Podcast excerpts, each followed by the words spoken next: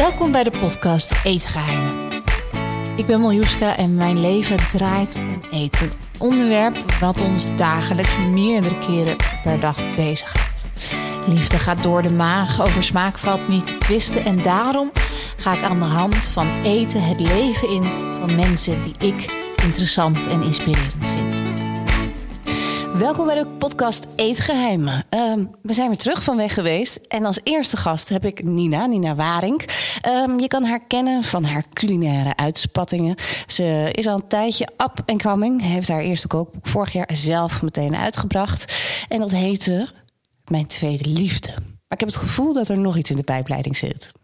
Er zit zeker nog iets in de pijpleiding, ja. Ja, nou ja als je het eenmaal te pakken hebt, dan eh, ga je door, denk ik. Ja, mooi boek. En het, is, eh, het klinkt voor mensen misschien die nu naar luisteren... die denken, nou, zelf een boek uitgegeven, dat is toch heel logisch. Maar dat is het eigenlijk helemaal niet. Want er zijn natuurlijk legers met uitgeverijen. Waarom heb je die route gekozen? Ehm, nou, ik moet toegeven, we hadden echt geen idee waar we mee bezig waren. Dus we hebben echt gegoogeld met hoe werkt dit... En ik ben best wel van, als ik iets maak, ik vind het heel lastig als iemand anders een plasje eroverheen gaat doen. En als je een uitgeverij hebt, heb je nog meer meningen.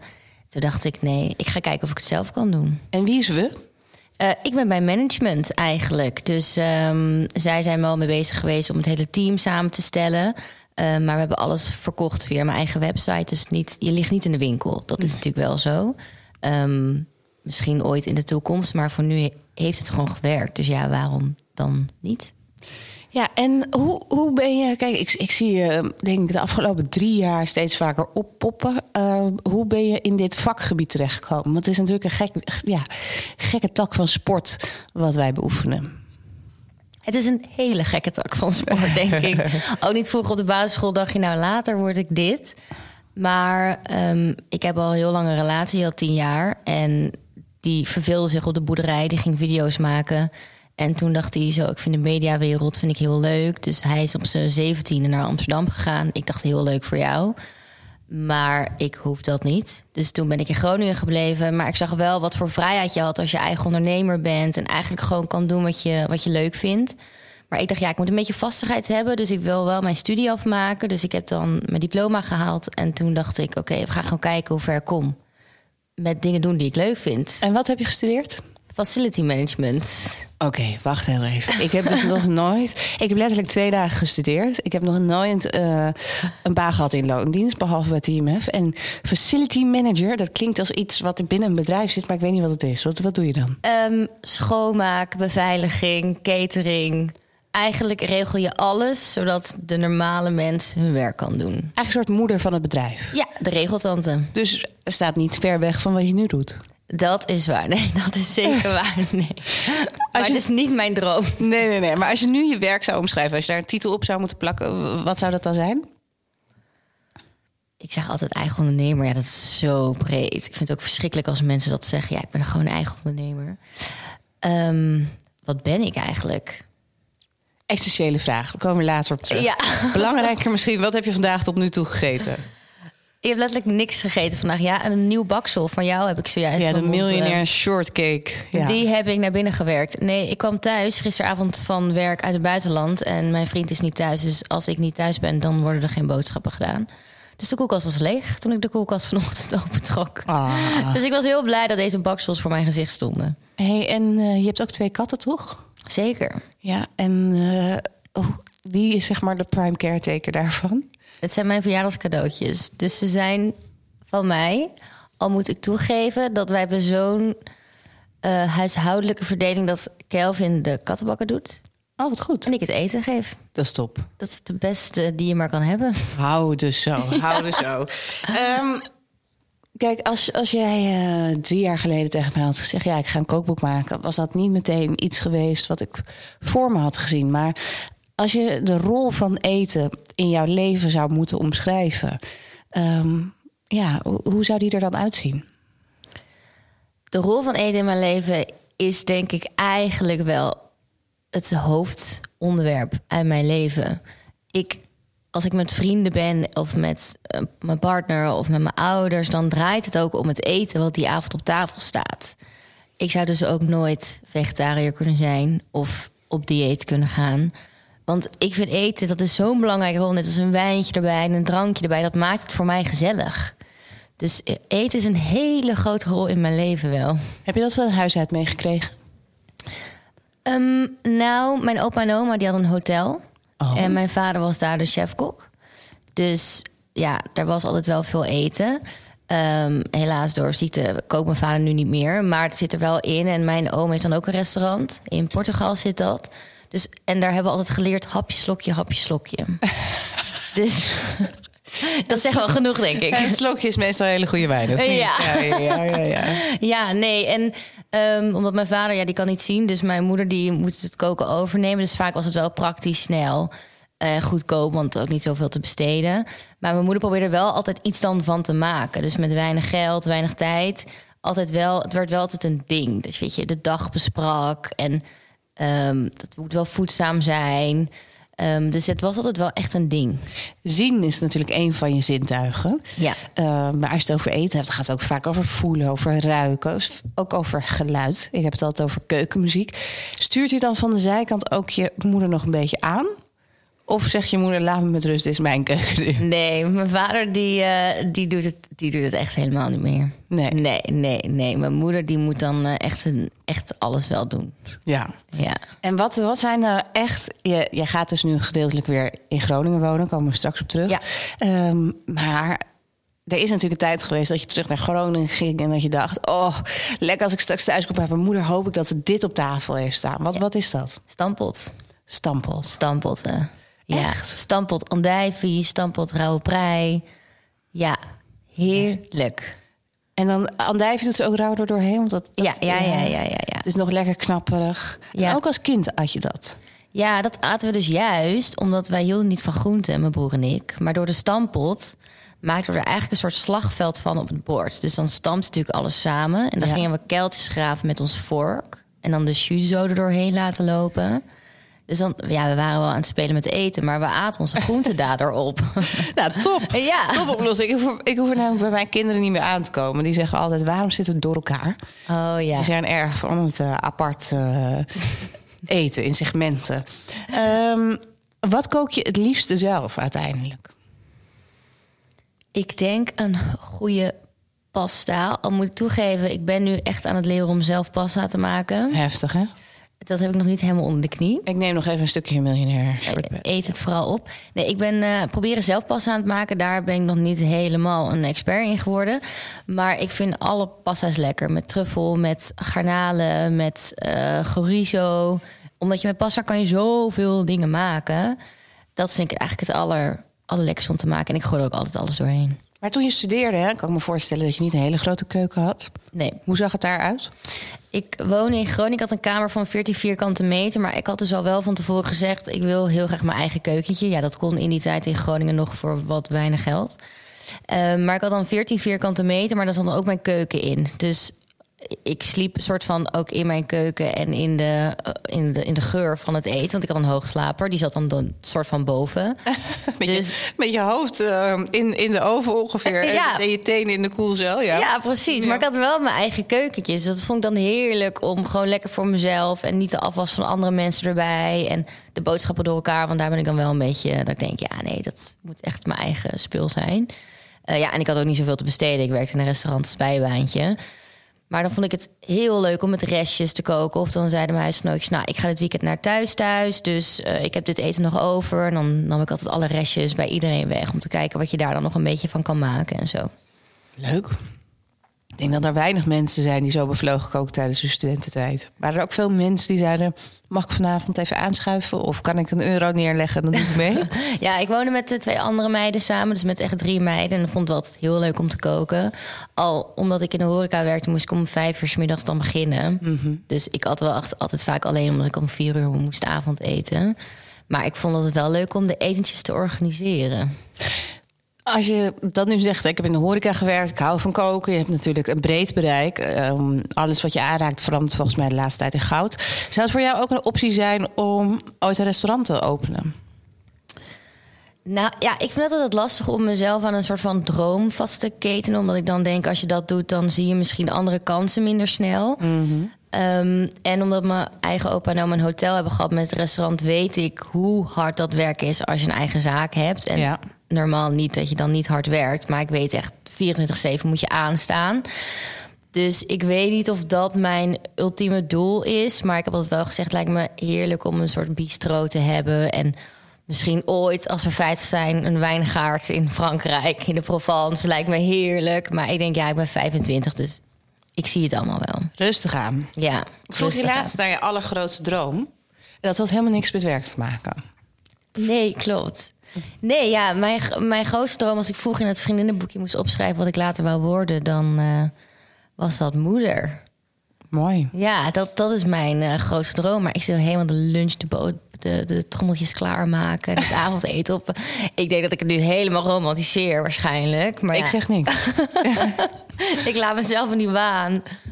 Maar eh, je bent nu 25. Ik had me eerst, toen ik 24 was, was natuurlijk heel jong. Maar dat, dat, maar dat, dat vond ik te gek. Ehm, je hebt natuurlijk nu zoveel kansen. Denk je niet af en toe... "Mwah, het kan later ook nog wel. Ja, alleen ik heb altijd zoiets van het valt natuurlijk aan de ene kant ook niet echt te plannen, want je weet niet of het überhaupt lukt. En daar ben ik me ook echt wel bewust van dat je dat niet weet. Dus ik denk ja, en ik ehm, ben zelf ook vroeger geopereerd al aan mijn baarmoeder omdat er wat complicaties waren. jeetje. Ja, nou ja, dat hoort bij het leven, denk ik dan. Maar dan denk ik van ja, je, ik kan het wel een soort van gaan uitstellen, maar je hebt het ook niet zelf in de hand. En je hebt gewoon een biologische klok in je. Ehm, dus ja, en eh, je, het vormt je leven er ook alweer naar, denk ik. Ik ken genoeg mensen met, met kinderen om zich heen. Het is ook maar net hoe je eromheen gaat. Ja, ik zie jou lachen. Ja, nee, dat, zo, zo zie ik het namelijk ook. Je kan het uiteindelijk kan je het uitstellen, uitstellen, maar je gaat toch voor de bijl als je het wil. Ja. En eh, er is nooit een goed moment. Nee. Dat is net zoals uitmaken of eh, beginnen met een andere studie. Het is nooit het juiste moment. Nee. Maar als je erover nadenkt, is het natuurlijk gekke werk om aan kinderen te beginnen. Maar het is het ook het mooiste wat er is. Ja, maar ja, dat is ook echt zo. Wij wonen dan in een super eh, burgerlijke wijk met allemaal mensen met kinderen. Behalve wij hebben dus als enige geen kinderen. Maar dan zitten we s'avonds met z'n allen lekker aan de wijn te drinken. Nou, dan wordt het weer veel te gezellig tot s'avonds laat. En dan hoor ik om 's ochtends om zes uur hoor ik dan de baby's huilen. het enige wat ik doe is soort van onze raam dicht doen. En wij draaien ons om en we kunnen weer doorslapen. Dan denk ik, oh ja, dat is toch wel lekker. Dat je Ja. gewoon nog even kan doorslapen. Maar als ik ze dan 's ochtends door de straat zie steppen met van die... Oh, dan denk ik, oh, wat, oh, vind ik helemaal geweldig. ja, Je woont, je woont nu in Amsterdam, maar jullie hebben een appartement bijgekocht in Groningen, omdat jij het gewoon heel erg miste. Hoe was het voor jou, die overgang van Groningen naar Amsterdam? Ik vond het echt verschrikkelijk. ja, ik vond het echt verschrikkelijk. Maar dat komt... eh, ik ging daar natuurlijk heen voor de liefde. Ja. Maar ik kende hem uit Groningen. Dus het was niet zo dat ik dacht... oh ja, ik, ik heb ervoor gekozen. Hij komt uit Amsterdam. Hij kwam niet uit Amsterdam. Hij komt van een boerderij met 200 koeien. Dus ik heb niet voor Amsterdam gekozen. Maar hij ging daarheen toen we 17 waren. En toen heb ik het dus vier jaar lang in Groningen gewoond. Nog daarna, want ik heb daar gestudeerd. Toen moest ik afstuderen. En toen zei ik wel, oké, of het is klaar. Of iemand moet nu water bij de wijn gaan doen. Nou, hij kon niet, want hij was helemaal bezig met zijn bedrijf. Dus ik dacht, nou, dan ga ik daar wel afstuderen. Ehm, en toen zat ik daar, maar hij had natuurlijk al zijn hele vriendengroep daar gebouwd. En ik was met mijn scriptie bezig als een soort van nerdje aan het schrijven. En ik had geen vriendinnen. Nou, ik vond het echt verschrikkelijk. Dus toen heb ik ook een kat gekregen. Dat ik me erg alleen voelde. Ja. mijn eerste vriendin daar. Ehm, en iedereen zei, ja, het komt wel, het komt wel. Maar ik woon hier nu vier, vier, bijna vijf jaar in Amsterdam. En ja, het is gewoon niet mijn stad. Maar had je niet, want ik ben natuurlijk geboren getogen in Amsterdam. Ehm, dus, dus, dus ik eh, ben misschien een beetje bevoordeeld. maar eh, wat ik zo mooi vond aan Amsterdam is dat je dat. eh, het is alsof je midden in de wereld staat als het gaat om eten. Want je kan alles krijgen. Van de beste rotti tot aan de lekkerste lappen. Ging je daar niet helemaal uit je culinaire pepernoot? Nee, want aan het begin was ik dus nog student. En ik was met mijn scriptie bezig. Ik had geen cent te makken. En ik moest in Amsterdam huren. Dus Ja. ja. dat was ook niet helemaal je van het. En ik heb nooit in het centrum van Amsterdam gewoond. Want dat kon ik gewoon niet betalen. Dus ik woonde ja, ver in Noord. Of weet je net. Ja, ik, ja, ik kwam bijna niet in het centrum. En nog steeds niet. En ik denk ook wel veel vriendinnen zeggen... ja, dat is waarom je het denk ik niet voelt. Ik heb nooit midden in Amsterdam gewoond. Dus het is niet dat ik op de fiets... letterlijk waar ik nu woon in Amsterdam-Noord... de bezorgen echt tien, tien toko's. Ja, en dat ja, is ja. het. Ja, maar als het je heimat is, is het ook moeilijk om ergens anders. eh, ja, voet aan de grond te krijgen. Kan ik heel goed snappen. Dus Ja, het is oké. Het is ja oké. het is oké. Ik voel me niet, eh, ik voel me niet eh, persoonlijk aangesproken. Ehm, en Calvijn, jullie zijn tien jaar samen. Dat is echt niet niks. De- ja, ik weet niet wanneer het wordt uitgezonden, maar deze maand in oktober zijn we precies tien jaar samen. Ja, Holy shit. ja Ehm, dat is lang. tien jaar is echt lang. Ik heb het nog nooit zo lang volgehouden met iemand. Ehm, wat is het geheim? Ja, kon dat maar in een boekje. Dan zou het een bestseller worden, denk ik, als Ja. daar een gouden regel voor was. Maar ja, ik denk dat je allebei lekker je eigen dingen ook moet kunnen doen. Dus net als dat ik in vier jaar in Groningen heb gewoond en hij in Amsterdam. Ik heb nog een half jaar op Aruba gewoond, terwijl hij in Amsterdam woonde. Dus ik denk, als je elkaar echt heel leuk vindt en je bent toch voor altijd samen, dan moet je ook lekker je eigen ding kunnen doen. Eh, en elkaar. En je moet echt een team zijn. Dat is denk ik wat ik denk. Maar ja, ik weet het ook niet. Want het gaat ook niet altijd over roosgeur en maneschijn. Het gaat toevallig al tien jaar goed. Maar je weet niet wat de toekomst brengt. Nou ja, het lijkt me best wel ingewikkeld soms als iemand. eh, hij zit natuurlijk nu al een hele tijd in de media, dus hij is dat, dat gewend. Maar het lijkt me voor jou soms wel pittig, eh, omdat er komt van alles bij kijken. Dat weet je zelf ook. Ja. Iedereen eh, wil je beste vriend zijn en iedereen kent je en iedereen voelt je. En nou, er komt eh, veel niet echte dingen bij kijken. Zeker. Hoe heb jij dat ervaren destijds en heeft je dat geholpen in je carrière nu? Nou, ik heb natuurlijk aan het begin van de, zijland, van de zijlijn mogen meekijken. Want toen wij 17 waren, toen ging hij naar Amsterdam en toen begon het wel echt net. Toen mocht hij ook opeens bij Humberto Tan zitten. En nou, dat was natuurlijk dat ik dacht, wat doe jij daar? Wat gebeurt daar? En ik was een soort van laafloze student in Groningen die op de bar stond te dansen. En hij was echt dan een ondernemer daar aan het worden.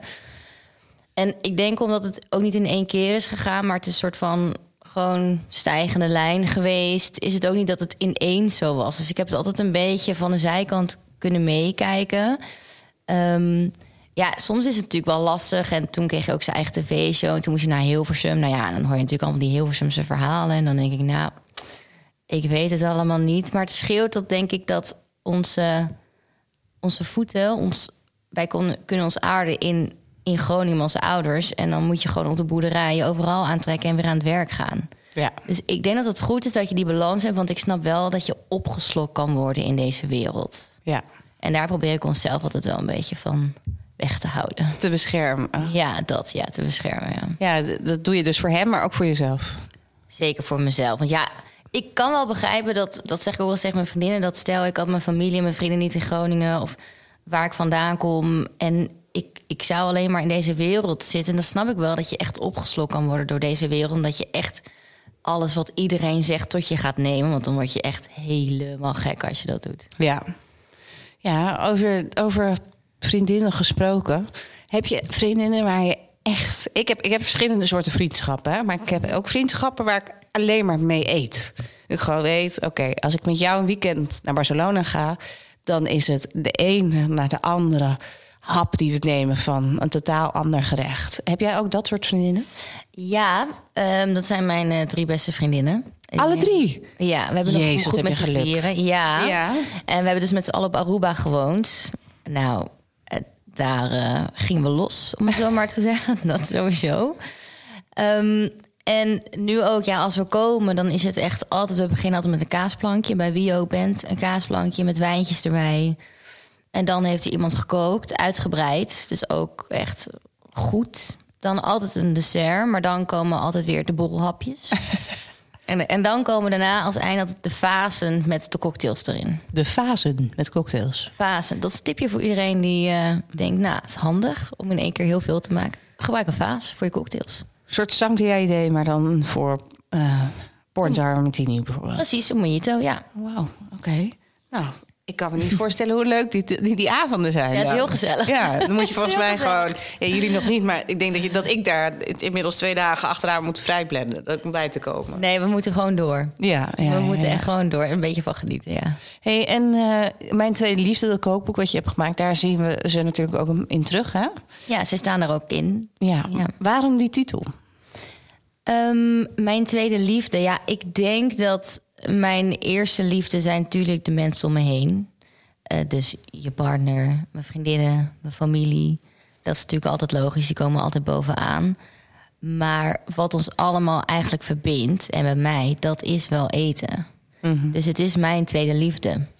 En die eerste liefde zal er wel zijn, ook zonder eten. Maar mijn tweede liefde, het eten, die zal er niet zijn als ik niet de mensen om me heen had die ik om me heen heb. Ja, maakt het toch nog even gezelliger.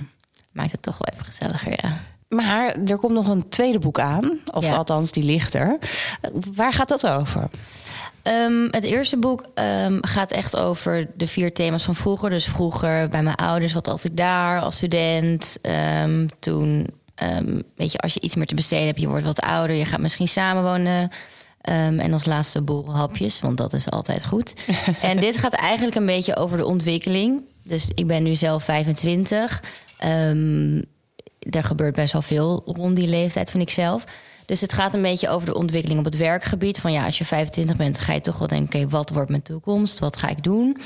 Eh, maar ook met vriendinnen, wat ik heel erg merk, is dat vroeger had je 20 vriendinnen en nu kader je dat gewoon een beetje af. Maar de echte tradities blijven wel. Ehm, dus eigenlijk is het een soort van voortborduursel op het eerste boek. Alleen gaat het dan echt over de ontwikkelingen en over de toekomst. En daar ook de recepten bij die daarbij horen. Leuk. Als je kijkt naar de toekomst, natuurlijk je grote droom is moeder worden, maar je bent gewoon eh, keihard ont- aan het ondernemen. Je hebt zo'n eh bikinilijn, die heb ik voorbij zien komen. Je, je bent bezig met een documentaire. Ehm, je hebt een kledinglijn, nou, eigen kookboek. Wat, wat is de stip op de horizon? Nou, nu is geweest. klaar. nu ga ik met pensioen. Ja, nee, nee, nee. Ik vind dat echt heel erg lastig. Ik ben al blij als al deze, wat jij net opnoemde, allemaal succesvol worden afgerond. En dan kijk ik eigenlijk altijd wel verder. Ja, ik heb niet echt per se een stip op de horizon. Natuurlijk zou een eigen zaak heel erg leuk zijn. Eh, maar ja, dat kost natuurlijk ook gewoon heel veel geld. Er moet een investering zijn. Ehm, en je moet er tijd voor kunnen hebben. En als ik iets doe, moet het ook echt goed worden gedaan. En wil ik daar met mijn hart kunnen inzitten. Dus ik weet niet, ik durf dat misschien ook niet uit te spreken of zo, wat echt de stip op de horizon is. Want ik denk, ja, en als je dat dan hebt bereikt, wat dan? Nou ja, dat, dat, dat, dat is natuurlijk het moeilijke eraan. Maar als je op een gegeven moment moet je toch gaan focussen op iets, weet je. 16 dingen tegelijk doen is altijd fantastisch, maar je weet ook, het, het, het holt je uit. Als je Ja. zou moeten kiezen, waar zit dan het gebied waar het gelukkigst van wordt? Is dat dan eten of is dat dan mode of is dat echt puur gewoon altijd aanwezig zijn op je kanalen? Mijn management zit hier, misschien moeten we het hier een keer over hebben. nee, ik ben denk ik nu alles een beetje aan het uitproberen van... oké, waar word ik echt gelukkig van? Ja. En ik denk dat het ook wel veel zegt dat ik na mijn eerste kookboek gelijk dacht... oké, we moeten een tweede maken, want dit vond ik zo leuk om te doen. Ja. Ehm, dus dat zegt al wel heel veel. En het, ook, ja, het valt misschien ook niet te vergelijken met de andere dingen. Want dit is echt mijn kindje, om het zo maar te zeggen. En de rest doe je natuurlijk met een, met een partner. of, en die documentaire was echt omdat het dicht bij me ligt. En ik heb verder volgens mij ook geen onderwerpen meer waar ik een documentaire over kan maken. Dus dit zal ook de enige zijn. En wanneer komt die uit? Ehm, nou, we zijn nu in gesprek met verschillende partijen. Ja. eh, om het kanaal te vinden die het wil uitzenden. En mag je al vertellen waar het over gaat? Ja, zeker. Ehm, nou, het ligt heel erg dicht bij me, maar ik heb een ehm, hele zeer, zeer zeldzame oogziekte in mijn familie, waarbij je langzaam blind wordt. Dus je oogzenuwen die sterven eigenlijk af. En het heeft een hele lange naam, maar ik noem even de af- afkorting, dat is ADOA. En het is eh, ja, dominant, dus dat betekent dat je 50% kans hebt bij de geboorte dat je kind het krijgt. Dus het wordt eigenlijk gewoon een muntje opgegooid en is het ofwel of niet. Doodeng. Ja, dus mijn, mijn vader heeft het dan, mijn oom heeft het, mijn neefje heeft het, mijn nichtje heeft het. En ik en mijn broer, of mijn broer en ik, hebben het dan gelukkig niet. Dus het muntje is de goede kant op gevallen eigenlijk. En iedereen zet zich er heel erg voor in, omdat het natuurlijk zich heel erg bezighoudt in mijn familie. En die zitten in de stichting. En ik denk, ja, en ik heb het niet, en ik heb het bereikt. Dus ik ben wel gek als ik er niks mee ga doen natuurlijk. En ik wil er ook heel graag iets voor doen. Dus we gaan eigenlijk op onderzoek uit, want er is ook nog een plusversie. En daar word je ook nog langzaam doof bij. En vallen je spieren uit. Dus word je eigenlijk doofblind en je zit in een rolstoel. Ehm, dus dat was, ja, vond ik best wel heel erg heftig om te zien. Ehm, dus we zijn met mensen langs geweest, maar we hebben ook met artsen gepraat. We zijn naar Bartimeus geweest. Te kijken van, ja, wat is er nu eigenlijk nodig? Maar omdat het gewoon zo zeldzaam is, ehm, is er gewoon heel weinig onderzoek. Ja. En wat heeft dat met jou gedaan in je jeugd? Want je hebt dus meegemaakt dat je vader blind werd. Ja, mijn vader werd geboren met 50% zicht. En nu ziet hij ongeveer 7%. En in die periode, ik denk toen ik net puber werd, toen is hij toen ook afgekeurd. Want hij kon niet meer werken. Ja. Ehm, en dat doet natuurlijk heel veel met een mens. Dus je ziet je vader is gefrustreerd, is emotioneel. Je moeder moet alles overnemen, maar is natuurlijk ook mantelzorg. Ze heeft twee pubers.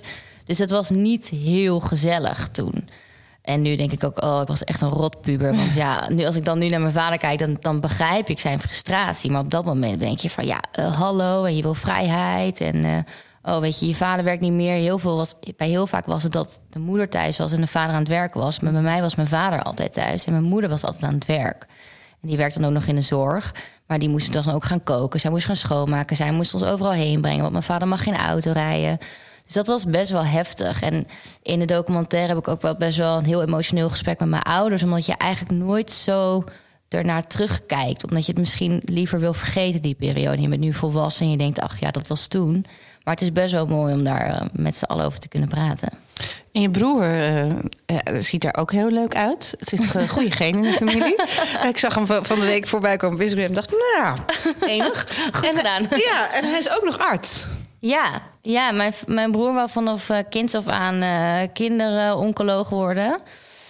En um, nu moet, heeft hij dat wel bijgeschaafd. Maar hij al tien jaar uh, voor arts aan het studeren. Is nu basisarts en nu heeft hij weer managementzorg. Ik weet het ook niet meer. Ik hou het niet meer bij. Maar hij is nu acht jaar aan het studeren, of negen jaar al. En uh, ja, vorig jaar met de vervelende periode, toen heeft hij op de IC gewerkt als arts op de long, moet je dan zeggen. En heeft hij ook drie maanden bij ons ingewoond. Dus ja, die is heel goed bezig. Die doet echt wat nuttigs voor de wereld, zeg ik altijd. Ja, nou, mooi. Mooi om dat te zien. En ook leuk dat jullie zo'n goede band hebben. Ja, ja wij zijn heel hecht met z'n allen, ja. Ja. Oké, okay. Uh, terug naar het eten. Ik heb altijd uh, de food choice. Mhm. En dat is, je mag eigenlijk niet te lang nadenken. Ik wil gewoon meteen weten wat er in opkomt. Ja? Oké, okay, ja. Zoet of zout? Zout. Ja? Ja, ik ben dus echt geen zoete kou. Oké, okay, dus uh, met de hele Haribo-sectie maak je niet blij, maar met de hele chips. Ja. En wat is dan je ultieme chippy? Gewoon paprika lees chips. Ja, ik vind die kleine zakjes altijd lekker, want er worden ze kleiner voor gemaakt. Dus heb je extra krokante randjes. Nee, oh nee, ik hou dus niet van kleine chipjes. Nee? Nee, ik ga helemaal goed op van die grote. Oh nee, dat uh, nee, nee. oké, okay, nou prima, komen we uit. Doe jij de grote of ik de kleine? Vlees of vis? Vlees. En wat is dan het ultieme stukje vlees voor jou? Goed stuk ossehaas. Dus ja, super saai, maar wel echt heel lekker. Ei of tofu? Ei. Volgens mij heb ik nog nooit tofu in mijn leven gegeten, bedenk ik me net. En moet je echt, uh, de tofu meisjes die maken tofu vers, dat is uh, aan aanrader. Kaas of worst? Worst. Groningse ja? worst. Groningse worst. Groningse worst. Zijn er ja. meer dingen uit Groningen die je, die je echt mist als je hier in Amsterdam bent? Groningse most, mosterd ja. en Groningse worst. Groningse worst mis ik echt heel erg. Oké, okay, wat, wat is daar anders aan dan onze ja, worst? Er zit lekker kruidnagel in. En dat ja? is zo, zo lekker. En ik ben dus, ik wil dus heel graag zelf die worst maken, maar dat is dus best wel een heel project. En ook wel met temperatuur. En anders gaat het, weet je wel, wordt het ja. schimmelen, weet ik het allemaal. Dus daar moet ik dus een keertje de tijd voor nemen om het uh, zelf te maken. Ik zie gewoon al helemaal voor me. Er komt een worstenbrand van Nina Waring. Ja. Uh, frituur of wok? Wok. Ik heb geen frituur. Uit zelfbescherming of omdat je het gewoon niet min minder lekker vindt? Um, allebei. Ik vind een airfryer vind ik wel prima. Ja. En als ik iets ga frituren, dan doe ik het wel in een pan. Ja. Maar inderdaad, het is ook zelfbescherming. Ja. En het stinkt ook, vind ik wel. Ja, ik heb op een gegeven moment een dubbele frituur gehad van 60 liter per stuk. En dat ging helemaal mis. Dus uh, ja, kan je het afraden om het in huis te halen. Stampot of buitenlandse keuken? Stampot. Gezond of vet? Mm, ja, wat is gezond en wat is vet? Vet is uh, friet, frikandel, uh, dat soort ja, dingen. Ja, dan moet ik wel ik. echt vet zeggen. Ja? Ja, frikandel. Ja. Frikandel speciaal. Ja, ik ben dus eigenlijk helemaal niet stampotten, frikandellen speciaal, Groningse worst. Ja, voor mij hoeft het geen hocus pocus te zijn. En dan een speciaal met curry of ketchup? Speciaal wordt met curry. Ja, nou, maar dat, daar, daar zijn de meningen zeer over verdeeld. Oh, ja? ja nee, met curry. Ja, lekker hè? Oh. En heb je ook een bepaald favoriet currymerk? Want ik namelijk wel. Ik heb ze allemaal geprobeerd. Um, oliehoorn. Heel goed. Uh, goed gekeurd. Vegan of vegetarisch? Nou, vegetarisch lukt me al niet, dus laat staan vegan. Cake of taart? Taart. Ja, en heb je... Iedereen heeft toch wel een favoriete taart. Wat is jouw favoriete taart? Ja, ik ben dus niet echt van de zoet. Nee, maar, iedereen is jarig. Ieder jaar. Ehm, dan een monchoutaart, denk ik. Of gewoon echt een goede appeltaart die met liefde is gemaakt. Oh, lekker, ja. Eh, koud of warm eten? Warm. Pizza of pasta? Dit is moeilijk. Pasta. Ja? Ja. Omdat je het sneller zelf kan maken. Ja, denk ik wel, ja. Oké. Eh, thuis of uit eten? Nou, ik ben de enige die kookt thuis. Ehm, ja, als ik, als ik nooit meer anders mocht, dan thuis. Hoe vond je het tijdens eh, de lockdown? Want toen was de horeca natuurlijk helemaal dicht. Ja. Ehm, ik had wel even een paar weken het gevoel alsof er iets van me geamputeerd was. Ja, nee, dat begrijp ik heel goed, dat gevoel. Ja. Ehm, ik vind dat best wel lastig. Want ik vind het ook juist lekker om thuis zelf twee uur lang in de keuken te, keuken te staan. En dan ga ik naar de landmarkt, zo'n duurzame supermarkt waar echt een eh, slager in zit en een visboer en zo. Dan vind ik dat ook heerlijk om me uit te sloven. Maar ik vond het ook wel leuk om mezelf even op te doffen. En dan echt even ergens een goed stuk vlees te eten. Of dingen te eten die ik zelf thuis niet zou maken. Maar ik heb minder gemist dan ik dacht. En je hebt natuurlijk echt bij veel restaurants in je leven gegeten. Wat is het meest memorabele restaurant voor jou qua eten waar je ooit hebt gezeten? Ja, het is niet eens bijzonder. Maar het is meer, denk ik, het moment wat het maakte. Dat was dat Kel en ik eindelijk... Of eindelijk, nou, ik was geen student meer. We begonnen iets te verdienen. Ja. Toen waren we, wat was het, vijf jaar samen of zo. En toen gingen we dus bij Mr. Porter eten. Ik weet niet of dat kent, dat Ja, ken je wel. ja. Bij W. En daar hingen, hangen daar van die hele grote stukken vlees. En toen dacht ik, wow, dat ik hier mag eten. en toen had ik daar, dat heet dan de Lady Steak volgens mij. Het is echt totaal niet boeiend. Maar dat, dat vergeet ik nooit meer. Dus dat was denk ik ook gewoon de ervaring zelf. Dat ik voor het eerst in mijn leven een heel stukje duur vlees had gekocht voor mezelf. En ik vind eh, Lolo in Amsterdam, die hebben burrata met truffel en ansjovis. Nou, dat echt, wat- als ik ooit overlijd en ik mag mijn laatste maaltijd kiezen, dan wordt dat het. Komen we straks bij aan. Oh. Rustig aan, rustig aan. Ik heb het verpest. Nee. maar dat is, ja, ben je ook een type die, die op reis gaat en dan gewoon op straat uit dat potje daarachter, dat je iets zit pruttelen, dan zeggen, nou doe me dat maar, of sla je die over. Nou, wij waren in Bangkok, Kel en ik, toen gingen we het echt backpacken.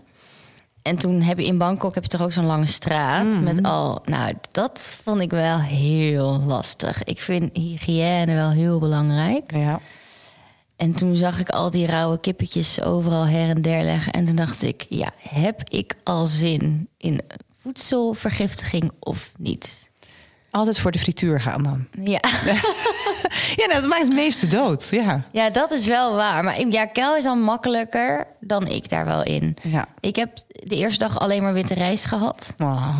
Ja, ik heb dus ook een spastische darmsyndroom. Dus Och. ik moet sowieso oppassen met wat ik eet. En ik dacht, ja, ik zit met zo'n backpack en dan... ehm, Ja. nee, nee, zo avontuurlijk ben ik niet. Oké, nou goed om te weten. Ik had, ik had een heel programma. Ja. dacht, nee. Ehm, ben je van de drankjes met of zonder alcohol? Ja, wel met alcohol. Ja, en heb je dan echt een favorite? Voor mij is Barolo is bij far eh, een van, van... Dat is een mooie rode wijn. En dan het liefst van Huizen Vesuvia. Maar dat- iedereen heeft zijn eigen ding natuurlijk. Nee, ik ben nog in die, ehm, in die ontdekkingsfase qua wijn. Ja, qua rosé vind ik eh, ros- rosé de Provence. Ja, het is natuurlijk eigenlijk is wijn wit of rood. Maar ik vind de Provence, Ja, zeker. Miral, Ja? het allerlekkerste. Ehm, in de zomer. En, of een hele goede rode wijn. Ja. En dan laat ik me adviseren. Maar ik ga dus met Kel, voor kerst heb ik dat gekregen... nog zo'n hele wijncursus doen... dat je van je die dingen kan halen en zo. Oh, wat leuk. Ja, Ja, nee, ik vind, weet je, eten weet ik echt wel veel. Maar wijn is voor mij ook nog... Ik weet gewoon wat ik lekker vind en ik onthoud die namen. Ik spreek hem waarschijnlijk ook nog verkeerd uit. oh ja. Zo doe ik het. Ehm, pittig of mild? Hollands pittig. Hollands pittig. Ben je van de sambal erbij of zeg je nou... wow, Ja, wel sambal erbij. Ja. Ja. Ja, ik, ben, ik, ik, ik eet echt alles met sambal. Liefst mango, chutney, ochtends door mijn yoghurt, bij mijn ei. Oh nee, dat doe ik echt niet. Sambal door je yoghurt? Ja, is echt lekker. Nee, dat, dat kunnen mij daar maar niet aan. Nee, oh ja, maar dat is wel irritant. Ja, Ja, veel, Ja. veel mensen hebben er last van, hè? ja, Ja. vet eten en pittig eten, dat gaat niet goed. Daar gaat de frikandel dan. Ja, maar dat heb ik er wel voor over voor mijn goede frikandel. Ehm, je, je, je staat natuurlijk eh, echt eh, in de bloei van je leven. Maar stel je voor, je krijgt het morgen te horen... je hebt nog drie maanden te leven. Dan kan ik me zo voorstellen dat je een gigantische tafel dekt... Ja. en een soort laatste avondmaal houdt. Ja. Wat staat er op die tafel? Ik moet er gewoon van lachen alsof ik er zin in heb of zo. Maar het is gewoon dat ik denk, oh ja, met al mijn vrienden aan een tafel met heel veel eten. Oké, dan beginnen we dus met, ehm, mag ik ook... Ik zou wel zelf willen koken, maar ik zou het ook wel gezellig vinden... als ik zelf aan die tafel zou mogen Nee, je mag zitten. laten cateren, maar dan mag je ook jouw recept geven... om dat te laten cateren. Oké, ik zou dan wel misschien voor, ik zou dan de chef van Lolo halen. En die moet dan de burrata met anchovies en truffel maken. Dat is heel lekker. En ik zou een goede slager laten komen voor een goed stuk vlees wel. Maar ik vind dus, ik vind dat zwarte inktvispasta met burrata en garnalen ook heel lekker. Je weet, alles. Je weet dat burrata komt uit Puglia. Hè? Daar moet je dan echt een keer heen. Want daar... Ja, ik weet niet wat je het lekkerste vindt aan burrata... maar ze hebben dus die drie elementen ook los van elkaar. Dus daarin zit de stracciatella. En dan kan je gewoon een bord van vol krijgen als je wil. Dan verkopen ze los in bakjes daar. Dat wordt, dat wordt hier niet verkocht, omdat het, als je het shipt... wordt het dus niet meer lekker. Dan heb je burrata, gewoon normaal burrata... maar je hebt toch altijd zo'n knoopje aan de bovenkant? Ja, ja. Nou, dat is daar dus ook een delicatesse. Mij hoef je daar echt niet eh, zes van te geven, want dan ben ik klaar. Maar die stracciatella, nou, ik ga op het strand liggen, goede fles wijn erbij, half kilo stracciatella en ciabatta. Je moet dit hebben. Ja, Ik, vind, ik, ik volg dus ook op Instagram. Heb je, heb je dus de Burrata-gram. en die posten dus elke dag foto's van recepten met burrata. Maar dan van die filmpjes dat ze dat, dat helemaal zo uit elkaar trekken. Zo, nou, dan is mijn hele dag gelijk goed. ja, het is gewoon een, een, een vorm van porno die je zoekt als je al heel lang een relatie hebt. Ik herken het. Ja, ja. foodporn. ja. Of zoek naar iets anders. Ja, ja. Hey, ehm, en wie zit er dan aan tafel bij dat laatste avondmaal? Sowieso mijn ouders en mijn broer. Die staan overal. Mijn partner zou ook best leuk zijn, Kelvin. En mijn vriendinnen allemaal. Mijn opa's en oma's. Ja, straks ga ik mensen missen. Dat is natuurlijk super lullig. Ja. Nee, gewoon mijn geliefdes. Ja. Gewoon echt mijn geliefdes om me heen. Dat is voor mij het allerbelangrijkste. Ik hoef niet alleen aan... Ik heb liever dat ik met al mijn geliefdes aan de tafel zit... met iets minder lekker eten... dan dat ik in mijn eentje een soort van chic diner heb of zo. Waren er ook dingen die je niet at vroeger? Ja, je was een moeilijke eter, zei je. Ja, Dus ik hou dus nog steeds niet van groentes. Wat? Ja. Oké.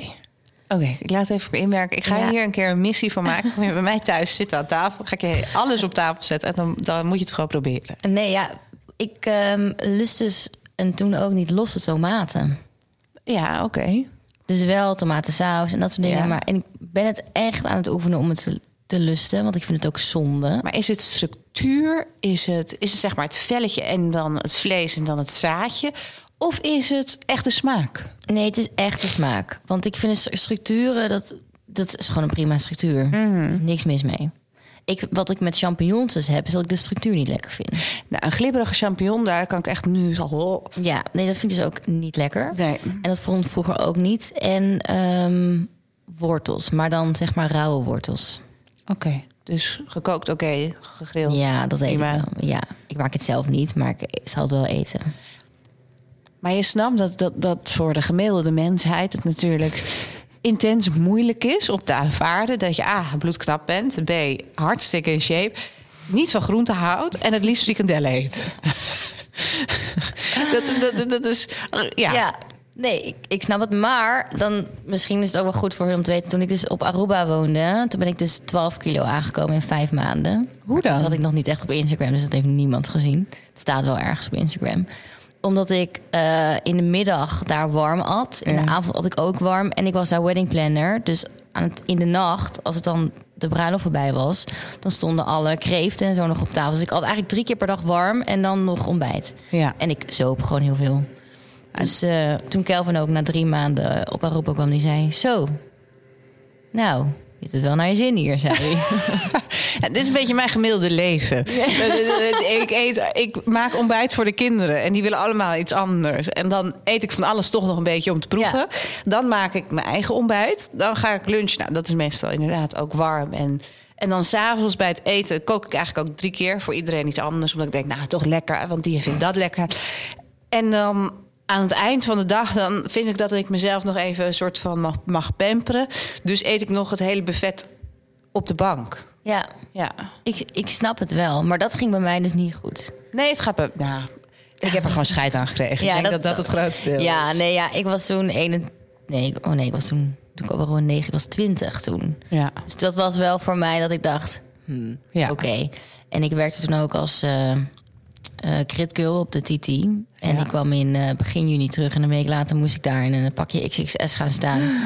En toen kwam ik daar en toen zeiden ze... Jou hebben we niet geboekt. Nou, kan je vertellen, dat is niet leuk. Dus ehm, nee, dat, dus het is niet dat ik echt alles kan eten. Maar ik denk dat de balans heel belangrijk is. Ik ben eh, vorig jaar ook... Ik, ben, ik heb nu ook een maatje meer dan vorig jaar. Maar dat ziet dan niemand. Alleen ik zelf. Eh, en mijn broeken weten dat dan ook, want ik heb een andere maat. Maar ik ben een beetje een soort van aan het schommelen. Dat ik denk van ja, wat vind ik belangrijker? En zoals ik nu ben, vind ik gewoon prima. Maar als ik merk van oké, weet je, je moet jezelf ook gewoon fijn voelen. Dus Maar- ik ga een beetje voor die balans. Hoe ben je er vanaf gekomen van die 12 extra kilo? Nou, ik kom zeg maar snel aan, maar ik val ook wel snel af. Ik heb een hele snelle stofwisseling. Dus eh, ik kak gewoon alles er altijd gelijk uit. Nou, fijn voor je. Ja. Waar mogen we je s'nachts voor wakker maken? Een frikandellenbroodje Oh. Of goede sushi. Maar ik heb dus al lang geen sushi meer gehad. Want de laatste keer dat ik sushi had, heb ik dus de voedselvergiftiging opgelopen. Ja, dan ben je wel even klaar. Ja, dus ik heb het daarna niet meer gegeten. En weet je waar je dan echt heen moet? In Amsterdam, een heel klein restaurantje. Undercover heet het. Zo'n bar, passen zes mensen aan. Hij maakt het Oh. live voor je, zoals de Japan gaat. Echt awesome. Oh, dan moet ik daar voor het eerst weer gaan eten. Ja, je moet wel volgens mij drie maanden van tevoren reserveren. En they don't give a fuck who you are. Dit is- Jeetje. Dat is, echt, eh, dat is echt wel heel mooi om daar te eten. Moet ik dan maar gaan doen? Ja, ik durf het dus nu niet meer. Ik was zo ziek. Ja. Was dat het? Volgens mij heb ik dat ook voorbij zien komen. Ja, ik was echt heel ziek geworden. Ja. En toen dacht ik, ik ga dit nooit weer. En ik, eh, het was ook gewoon bestelde sushi, maar we bestelden daar altijd. Ik heb wel eens eh, met oesters gehad. Dat duurt het ook Oh. wel heel lang voordat je dat weer een keer gaat eten. Ja, dat sla je dat toch, je lichaam een soort van stagneert dan dat je denkt, oh nee, ik wil dit niet nog een keer. Nee, nee. Geestig. Ik ben echt heel benieuwd wat, eh, wat jij nog allemaal gaat doen. En je bent eh, een stuk verder dan dat ik was op mijn 25ste. Ja, misschien stop ik ook wel zo meteen. Ik zeg wel eens, misschien ga ik gewoon weer 9 tot 5 baan ergens doen. Ik weet het niet. Nee, waarom zou je dat doen? Ja, gewoon die, die regelmaat. Dat vind ik dus best wel lekker. Ja, want eh, als je jouw week omschrijft of jouw dagen, hoe zien die eruit? Nou, eh, chaos. Ik heb niet echt, ik heb echt geen ritme. Of het nou weekend is of door de week, of eh, het is vakantieperiode of niet. Je merkt er echt helemaal niks aan. Zoals gisteren, nou, van- of het is nu, het is, wat is het vandaag? Vrijdag. Het is Ja. vrijdag. Ja. En eh, afgelopen maandag hoorde ik dat ik eh, woensdag op donderdag nog naar Milaan moest voor werk. Dus dan vlieg je heen en weer. En toen gisteravond kwam ik in de nacht thuis. Nou, ging ook niet helemaal goed. En nu zit je weer hier. En dan denk ik, oh ja, shit. Maar omdat dat moest ingehaald worden, moet ik in het weekend nog weer werken. En en nee, het is één grote chaos. Maar stel, stel je krijgt een kind, hè? Ja, wordt de chaos nog groter. Ja, nee, maar zou je, zou je het dan... Ik, ik ben vier jaar gestopt met werken. Hè? Vond ik heerlijk, fantastisch. Echt Ja. time of my life. Maar goed, toen was het ook niet zo dat, dat, dat je je werk vanuit huis kon doen... zoals wij Nee. dat nu eventueel zouden kunnen doen. Ja. Zie je dan voor je dat je het op een lager pitje zou zetten een tijdje? ja, ik zou dat ook niet erg vinden. Nee. Maar daarom vind ik het wel fijn dat de projecten die ik nu heb lopen, dat die allemaal goed worden afgerond. Ja. En ook door het huisje in Groningen, weet je, wat je zegt, nu kan je zoveel op afstand gewoon werken en online doen. Dus dan ga ik daar gewoon echt zeggen van oké, ik ga daar drie dagen gewoon echt zitten, lekker werken, geen gekke dingen. En dan kom ik in Amsterdam wel voor alle afspraken en chaos en feestjes en netwerkborrels en zo. Ik eh, vond het heel erg leuk om met je te praten. Ik zou zeggen, eet dat laatste stukje Ja, ik zit aan te kijken, maar ik wil niet met mijn open mond eten. Dus, eh, Eh, bedankt dat je bent gekomen. Het nieuwe kookboek is inmiddels uit. Dus Ja. ik zou zeggen, waar kunnen ze het bestellen? ninamarenkoopboek.nl. Hoppata. Helemaal. Een. Zie je? Een URL. Een Oh, URL. moeilijk. Ik heb het moeilijk. Ehm, bedankt voor het komen. En ik zou zeggen, smikkel vooral en eh, kook zo door zoals je aan het doen bent. Dankjewel dat ik de gast mag zijn.